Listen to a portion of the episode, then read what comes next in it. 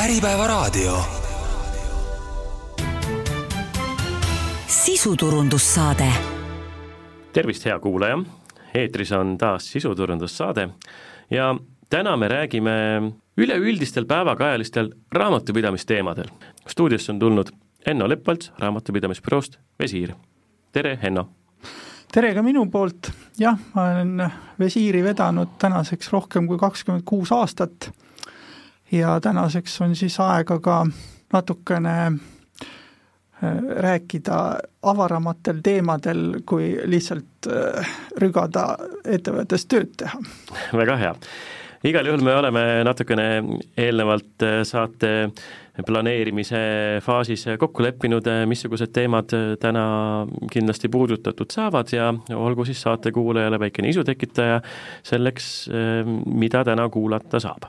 et põikame korraks maksutõusude teemasse, vaatame majandusaasta aruannete lugu, mõned tähtajad on juba kukkunud, kuidas meil läheb, kui sõnakuulekas tänane ettevõtja on ja kas ta saab ennast äh, ajalises raamis ka ilusti äh, väljendada ja vormistada või et miks siis äh, mõnedel ettevõtetel on aruanded veel esitamata ning piilume ehk natukene ka tulevikku. mina olen saatejuht Tõnu Einasto, head kuulamist!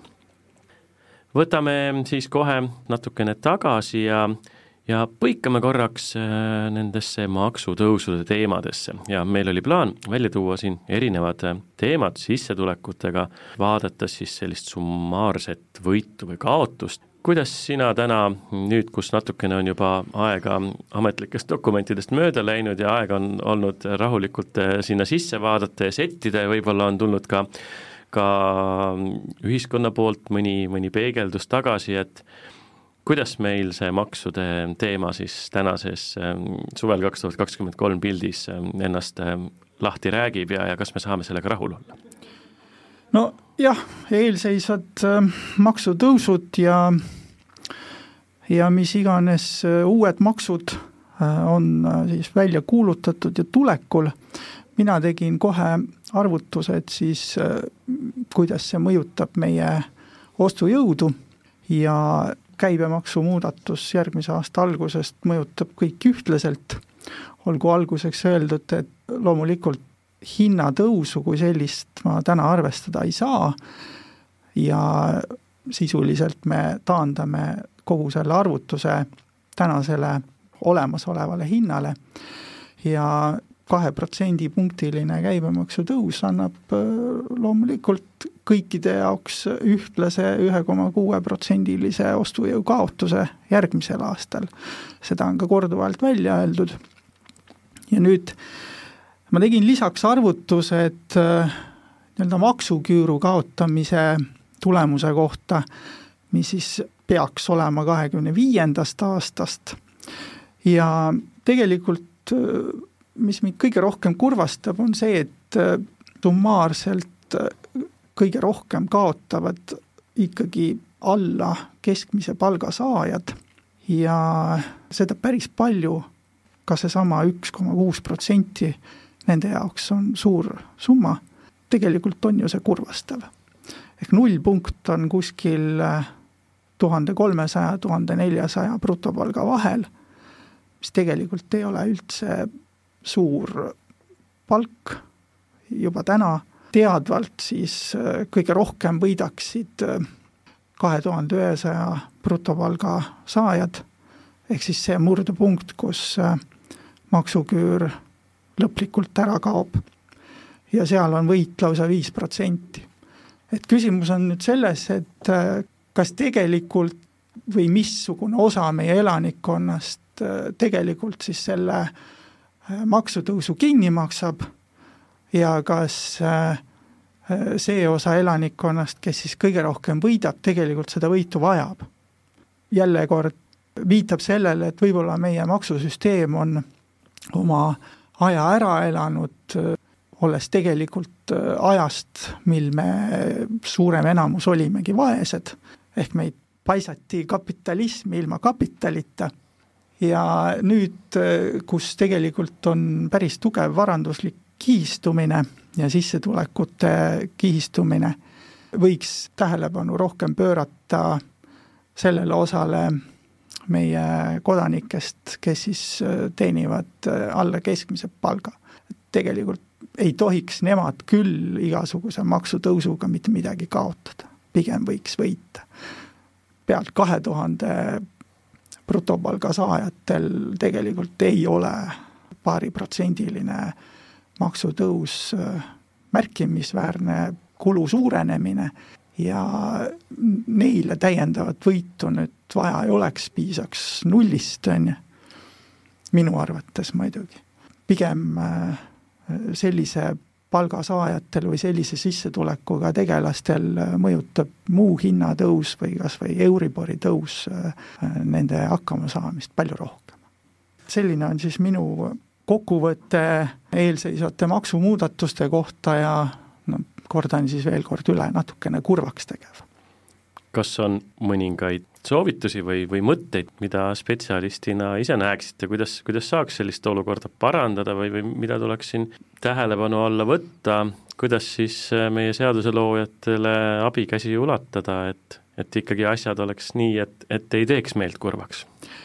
Abikäsi on ju ulatatud palju ja mõtteid on äh, erinevatest ühiskonna kihtidest ju palju olnud ja noh, tegelikult ka maailma tasemel organisatsioonid on ju viidanud, kus Eesti maksusüsteemi viga on või probleem, et probleem on selles, et vara pealt maksu ei korjata, ega seda vara ei pea ju maksustama jälle kamaluga, võib tibahaaval võtta, aga selge on see, et täna ju ei soodusta Eesti maksusüsteem mitte mingisugust varade ringlusse suunamist nii nagu seda mõnel pool mujal maailmas on äh, näiteks Ameerikas või Ameerika Ühendriikides täpsemalt, kus siis äh, varamaks sunnib äh, mingilgi määral vararinglusse, meil võib istuda nagu kröösus oma hunniku otsas ja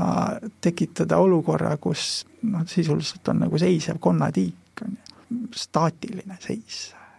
ühed istuvad varanduse otsas ja, ja kõik selline lause, et rikkad saavad rikkamaks ja vaesed jäävad vaesemaks, kas, kas sellel on siis kuidagi selline kurvastav tõepõhi all?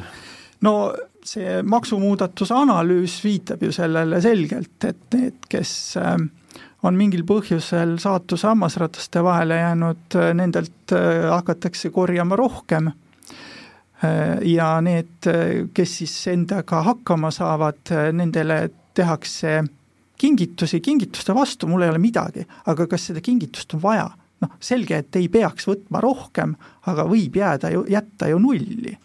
noh, võib-olla see on selline kommunistlik või sotsialistlik lähenemine, ega mina ei poolda vara ümberjagamist sellisel tasemel, nagu sotsialistid seda teha tahaksid, et võtame kõik ühtlaselt vaeseks, ei, ma ei taha seda, siis kaob igasugune initsiatiiv ära, aga näpuotsaga sellest äh, ei tohiks kellelgi midagi juhtuda.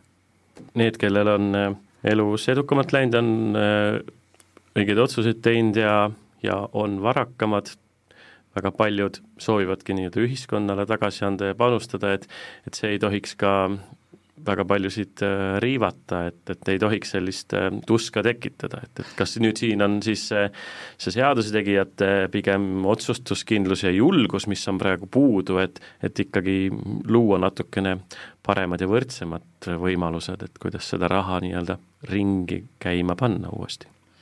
no minu hinnangul küll natukene jah, et äh, praegu püütakse äh, seda otsusekindlust ja kamaluga võtmist äh, teha nende suhtes, kes niikuinii vastu ei vaidle, kellel jõudu ei ole, see nõrgemini tasustatud või väiksemalt tasustatud äh, elanikkond, äh, nad ei hakka vaidlema, nad maksavad ära ja, ja noh, kulutavad vähem, on ju. aga rikkamad ju, jõukamad niikuinii ise ka annavad. Tagasi, on valmis tagasi ühiskonnale andma seadusega sealt natukene võtta ei oleks äh, minu hinnangul midagi keerulist või rasket või pahaks pandavat, äh, aga noh, jälle kord mitte pöörduda äärmustesse, nii nagu siin Inglismaal oli suurematelt summadelt võeti lausa üheksakümmend ja rohkem protsenti, et noh, ärgem äärmustesse minge. aga räägime ka positiivsema noodiga teemadest. noor inimene jõuab ühel hetkel täiskasvanu ellu ja, ja siis ta hakkabki oma tööeluga ja ka muul moel ka enda vara koguma ja enda elu looma. praegu on äh, südasuvi, pool suve on ühel pool, pool suve on ees ja paljud alaealised, kes veel oma gümnaasiumi pole lõpetanud, otsivad selliseid suvetöid või tööampsusid ja, ja käivad malevates ja, ja proovivad ka muul moel tublid olla ja võib-olla saada ka oma esimest sellist päris finantsilist kogemust, et teen tööd ja saan selle eest loodetavasti ka siis tunnustatud ja väärilist palka, et kuidasmoodi alaealiste töötamisega selle suve kontekstis vaade on, et selle plussid ja miinused, et kuidas alaealisi tööle saab võtta, mis on need asjad, mida ütleme, et siin suve teine pool, suvi pole veel läbi, et kui mõned ettevõtjad soovivad endale tublisid töökäsi värvata, siis mida siin tuleks tähele panna ja, ja mida võiks praegu veel ära märkida? Alaealised ise kindlasti vähemasti minu kogemuste järgi tööd teha tahavad. Ettevõtjatel on muidugi teatud äh, raskused või natukene keerulisem nende alaealistega, neil on äh, väiksem tööaeg, tööle võtmisega, tööle vormistamisega on mõningad piirangud, äh, alaealiselt peab saama tahteavalduse veel lisaks ja siis peab alaealise vanem nõusoleku andma, need peavad olema tehtud enne töölepingu sõlmimist. Ja kõige väiksemate puhul kes on siis kaheteist aasta ja alla vanused, nende puhul lausa peab kümme päeva enne registreerima TÖR-is ära, et siis äh, Tööinspektsiooni ametnik äh, saab ma ei tea, siis üle helistada, küsida asjaolud, vaadata, no minul on see kogemus äh, olemas, jah, helistavad, küsivad, mida tegema hakatakse. Ja nii väiksed muidugi suuresti töötavad oma lapsevanema pilgu all, et selles suhtes võib natuke rahulikum olla, koobalti kaevandama ei panda. Seoses alaealiste palkamisega, no ütleme nii, et ettevõtjal on keerulisem, piirangud on peal, paberitööd on rohkem, minu hinnangul võiks sealt mingisugune kompensatsioon olla alaealise palkamisel kas või maksude osas, no näiteks ala, alaealine on niikuinii äh, ravikindlustatud. Ja tema pension on no iidamast-aadamast kaugel. minu meelest äh, võiks alaealisel teatud piirini üldse palgal sotsiaalmaksu mitte olla kas siis näiteks äh, miinimumpalga ulatuses või keskmise palga ulatuses, see kindlasti soodustaks äh, alaealise palkamist ja annaks äh, teatava hüvitise selle eest, et alaealisega on rohkem toimetamist, tal peab kõvem järelevalve peal olema, teda peab rohkem jälgima, tal on niikuinii vähem oskusi, tal peab olema juhendamist rohkem see sotsiaalmaksu puudumine teatava palga ulatuses annaks vähemasti mingisuguse kompensatsiooni. seadusandjad võiksid äh, päris äh, sügavalt selle üle mõelda kui see suvi on tehtud, siis äh, muidugi on võimalik ju loomulikult alaealisi töös hoida nii-öelda võimaluse korral läbi aasta, aga, aga me teame, et suvi on just selline aeg, kus on koolivaheajad ja puhkust ka ja tahetakse natukene seda taskuraha ja ja, ja, ja ka vanemad tihti äh, on kahe käega poolt ja suunavadki oma oma noori tublisid sellist nii-öelda tööharjutust tegema, et, et ise näha, kuidas raha teenitakse, et ei tule ainult seina seest ja, ja tuleb ka vaeva näha et kui me dokumentatsiooni ja paberimajanduse ära jätame, et see kõik on tehtud ja korras, et siis ikkagi saame öelda, et noor inimene on tubli, tahab tööd teha ja kui ka ettevõtjatele antakse rohkem sellist äh, toetust ja tuge juurde just äh, ettekirjutuste näol, et siis me saame seda nooremat põlvkonda, tulevast tööealist inimest kuidagimoodi soodustada ja julgustada ja, ja näidata talle ette, missugune see täiskasvanu elu on. jah, see alaealise töötamine tegelikult tuleb veel kahes osas kasuks. ühel, ühel juhul näitab ära, et võib-olla töö ei olegi meelakkumine, et tasub õppida ja õppimisest kinni hoida seni, kui vähegi võimalik on ja ja tegelikult ka arvuti taga istumise eest palka saada, see ei tarvitse üldse mõnus olla, sest seal arvuti taga ei mängita, vaid tuleb äh, tööd ka teha, eriti eraettevõtluses. me noh, tegelikult ka arvutit kasutame töö jaoks. ja teine võimalus, äh, äkki see alaealine siis äh, näeb ära, et, et saavutused tulevad läbi äh, noh, ma ei ütleks raskuste, aga läbi pingutuste.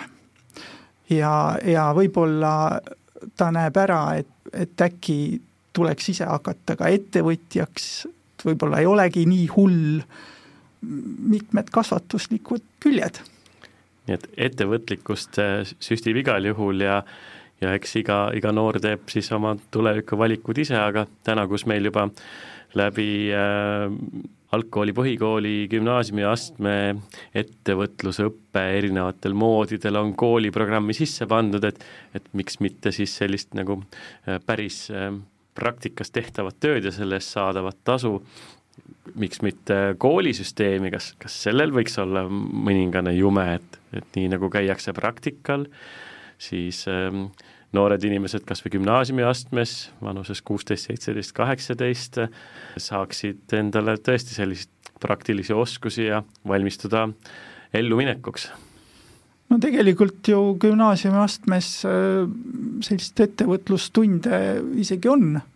noor inimene soovib töötada, soovib ennast proovile panna, soovib enda nii-öelda tavalisest mugavustsoonist välja tulla ja, ja nüüd on siis küsimus, et kuidasmoodi me ettevõtjaid saame toetada, et, et see protsess oleks veelgi mugavam ja kas, kas kõik, kõik asjad, mis on täiskasvanud inimesele ette kirjutatud, kas need peaks olema ka alaealiste värbamisel ja, ja, ja nendele palga maksmisel olema samasuguses vormis? noh, tegelikult nagu ma ennist ütlesin, võiks mõningate soodustusele, soodustuste üle kaaluda Äh, üks äh, meede minu mälu järgi on, et äh, vist kolmeteist kuni kuueteistaastastel järgmise aasta alguses taotluse järgi hüvitatakse mingi osa brutopalgast.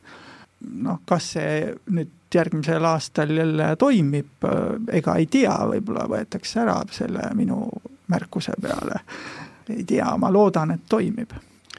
loodame siis meie noortele helget tööpõldu ja, ja ettevõtjatele ehk läheb natukene asi mugavamaks, et et, et seda julgust ja soovi ka, ka ettevõtja poolt olla avatud ja võtta siis võimaluse korral alaealisi, noori inimesi tööle, et, et selline tugev dialoog säiliks.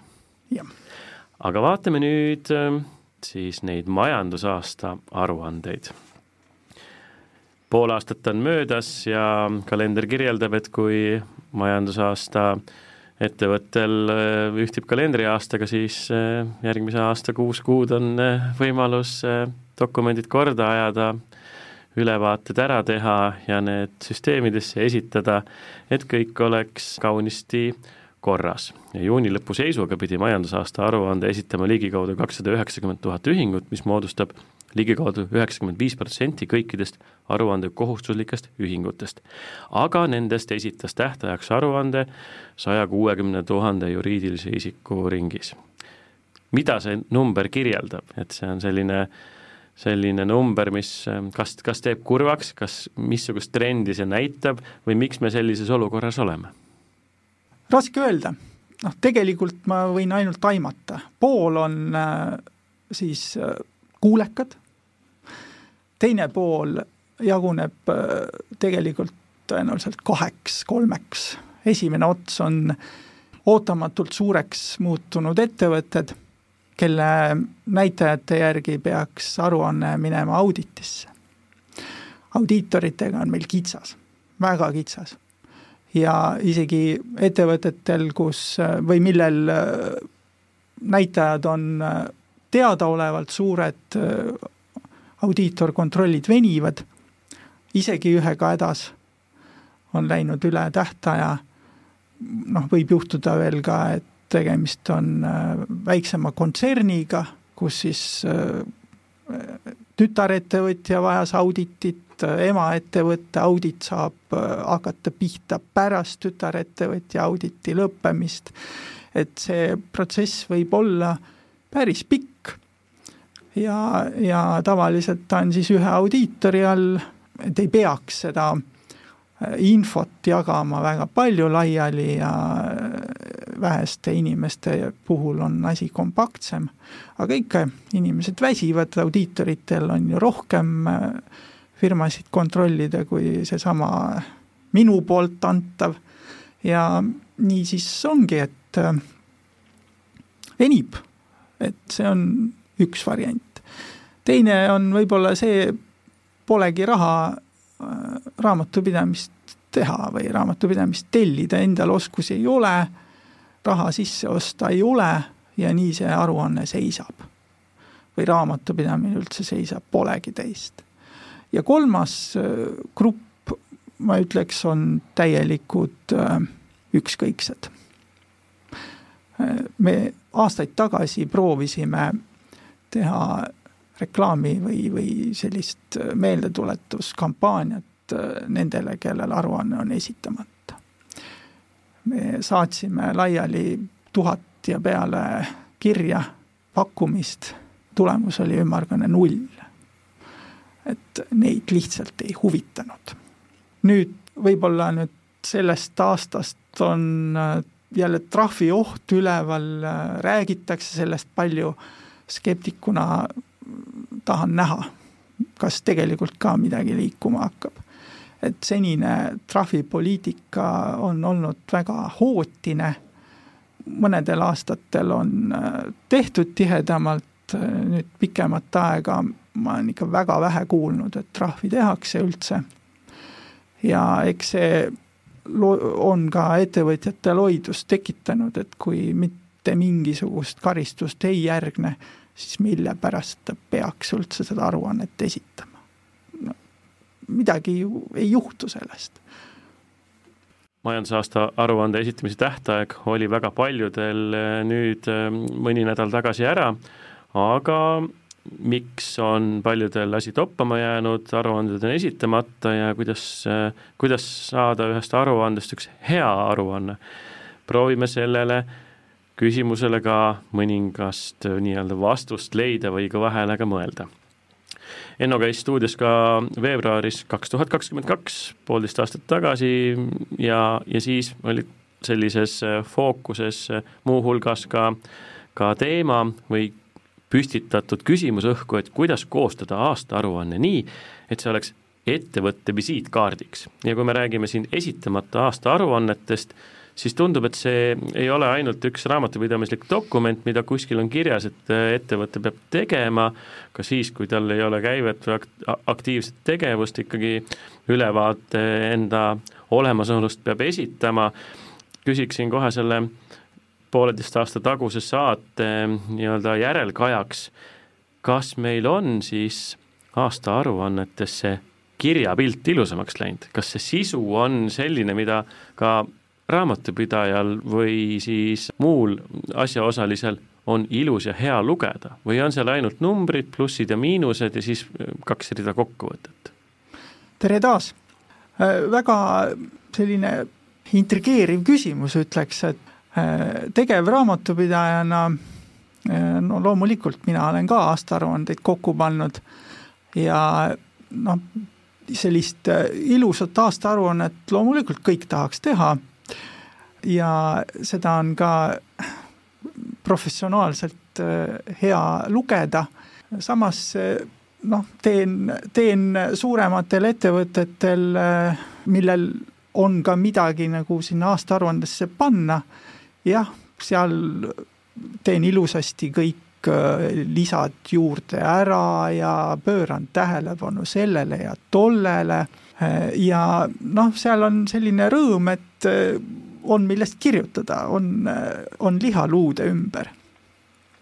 kui me nüüd läheme kõige väiksemate juurde, siis no seal tekib nagu moment, et nagu imeks pastakast midagi välja piltlikult öelda, et seal tekitab küll mõnikord frustratsiooni, et no, no mida ma siia veel lisan, siia noh, vaatame nendele numbritele otsa, siia ei ole midagi lisada.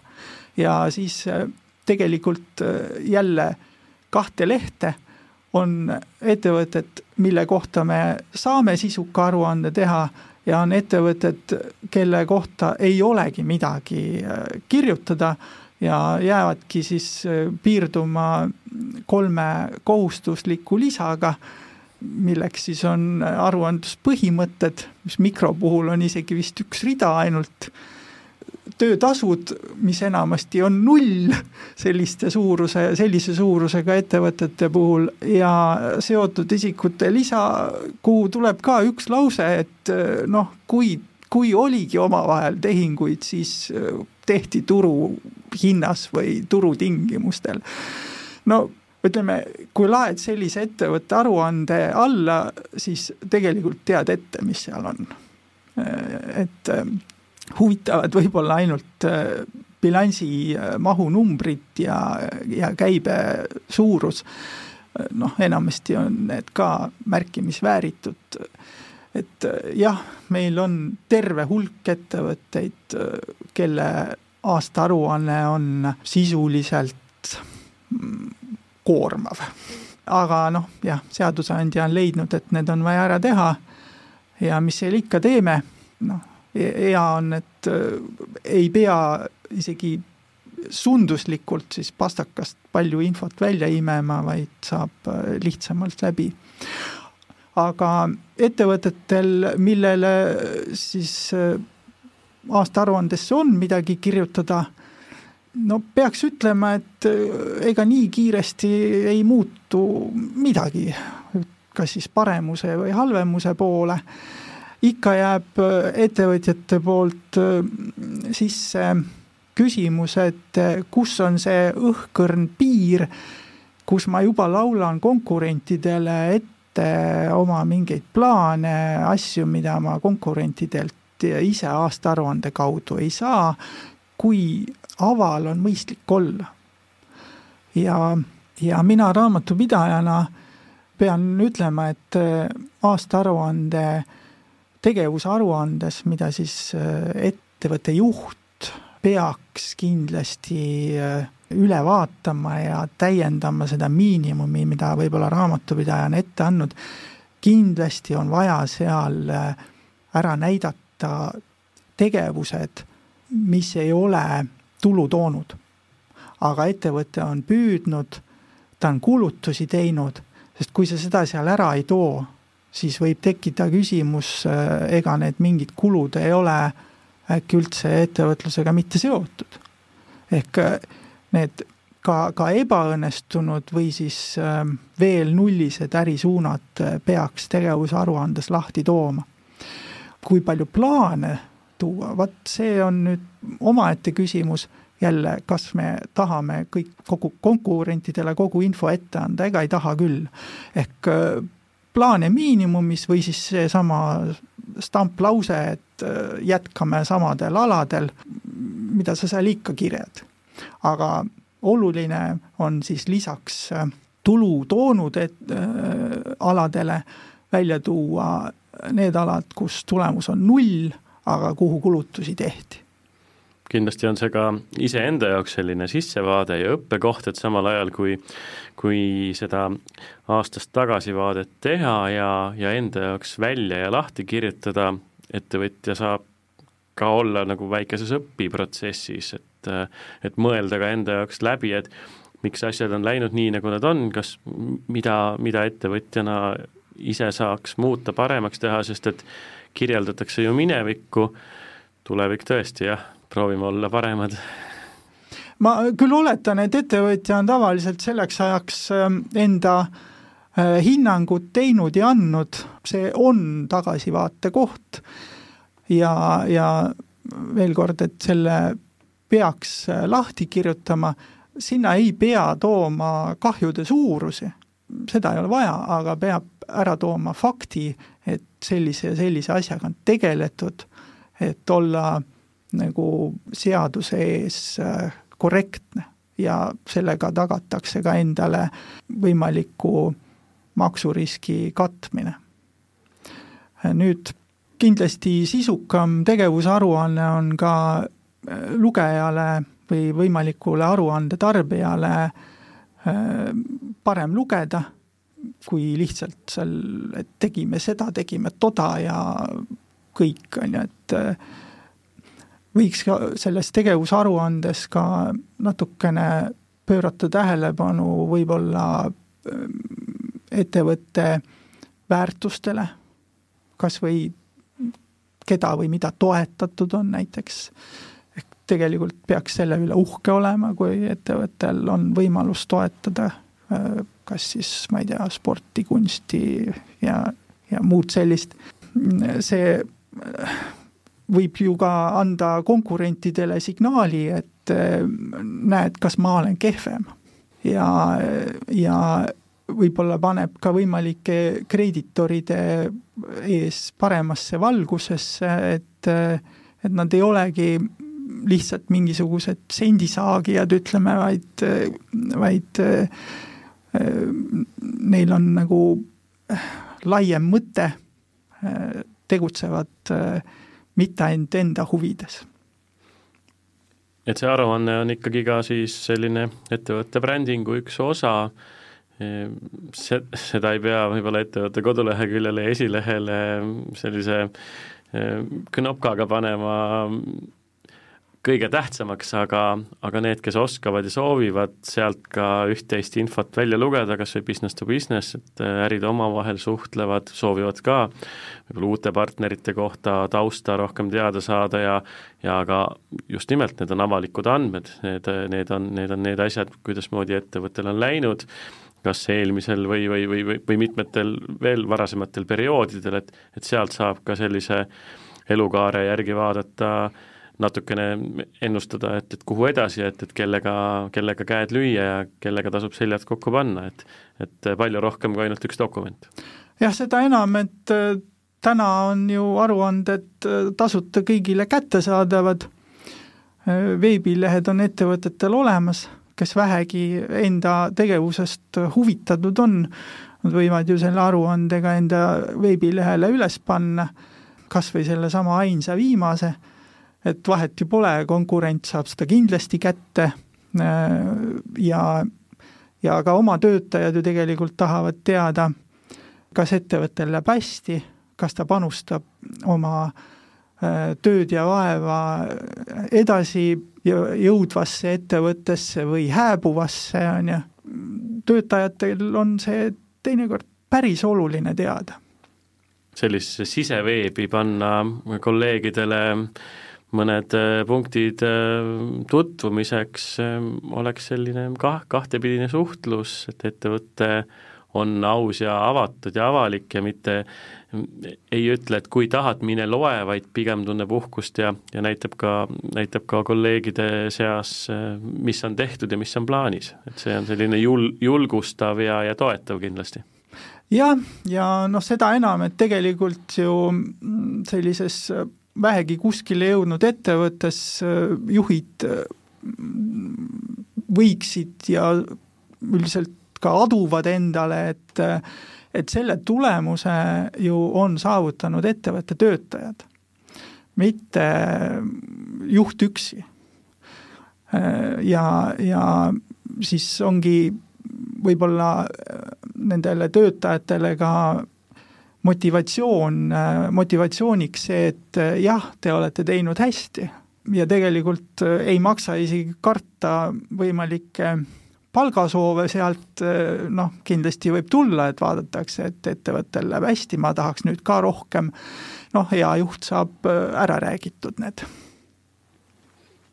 majandusaasta aruanne on üks, üks osa ettevõtte kuvandist, siis äh, raamatupidamisest ja ettevõtte või organisatsiooni kuvandist äh, võime korraks ära markeerida Slava Ukraini, aga mitte, et võtta lahti seda konkreetset äh, olukorda, seal ähm, ei olnud ka raamatupidamine kõige paremas korras ja, ja ka Revisjon on ühe ringi peale teinud, aga, aga nii, nagu ka Äripäeva ajakirjanik Kristjan Pruul juuni keskel kirjutas, et, et kõige kõrvetavamatele küsimustele e-, veel vastuseid ei otsitudki või need protsessid on etappide kaupa. võtame natukene nii-öelda helikopteri vaatest seda kommenteerida, mida meil üldse sellisest situatsioonist ettevõtjatena õppida on? ütleme, sellisest dokumenteerimisest, sellisest raamatupidamislikust fikseerimisest, taasesitatavatest äh, kõikvõimalikest äh, dokumentidest, millest raamatupidamine üleüldse koosneb? no äh, antud juhtumi kohta ei kommenteeri ma mitte midagi.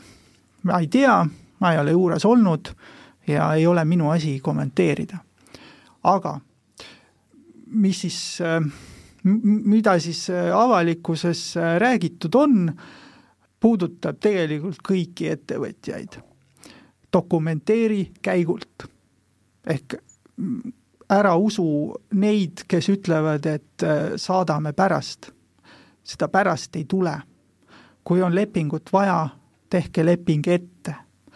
Äh, kui ei ole tegemist äh, kodanikuga, kes sul ongi kogu aeg käepärast, siis see leping viibib.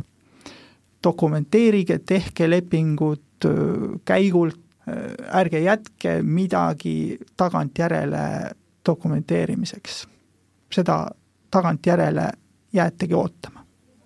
rohkem ma selle juhtumi kohta ei oska ja ei tahagi kommenteerida. aga õpetus on siit ikkagi kaasa võtta, et et ole, ole sa väikeettevõtja või suurettevõtja, on sul ähm, kuludokumente üks või on neid palju, ikkagi sündmuse tekkimise hetkel selline salvestamine nii-öelda on, on see, mida tagantjärgi esitades saab ähm, kogu selle raamatupidamisliku suure pildi äh, tervikuna hoida ja siis ei tohiks ka nii-öelda pahandusi tulla. jah, ei tohiks, on äh, hästi öeldud, me minimeerime pahanduste tekkimise võimaluse, on ju et maandame riske selle dokumenteerimisega, et äh, see on oluline ja veel kord, on oluline. väga hea.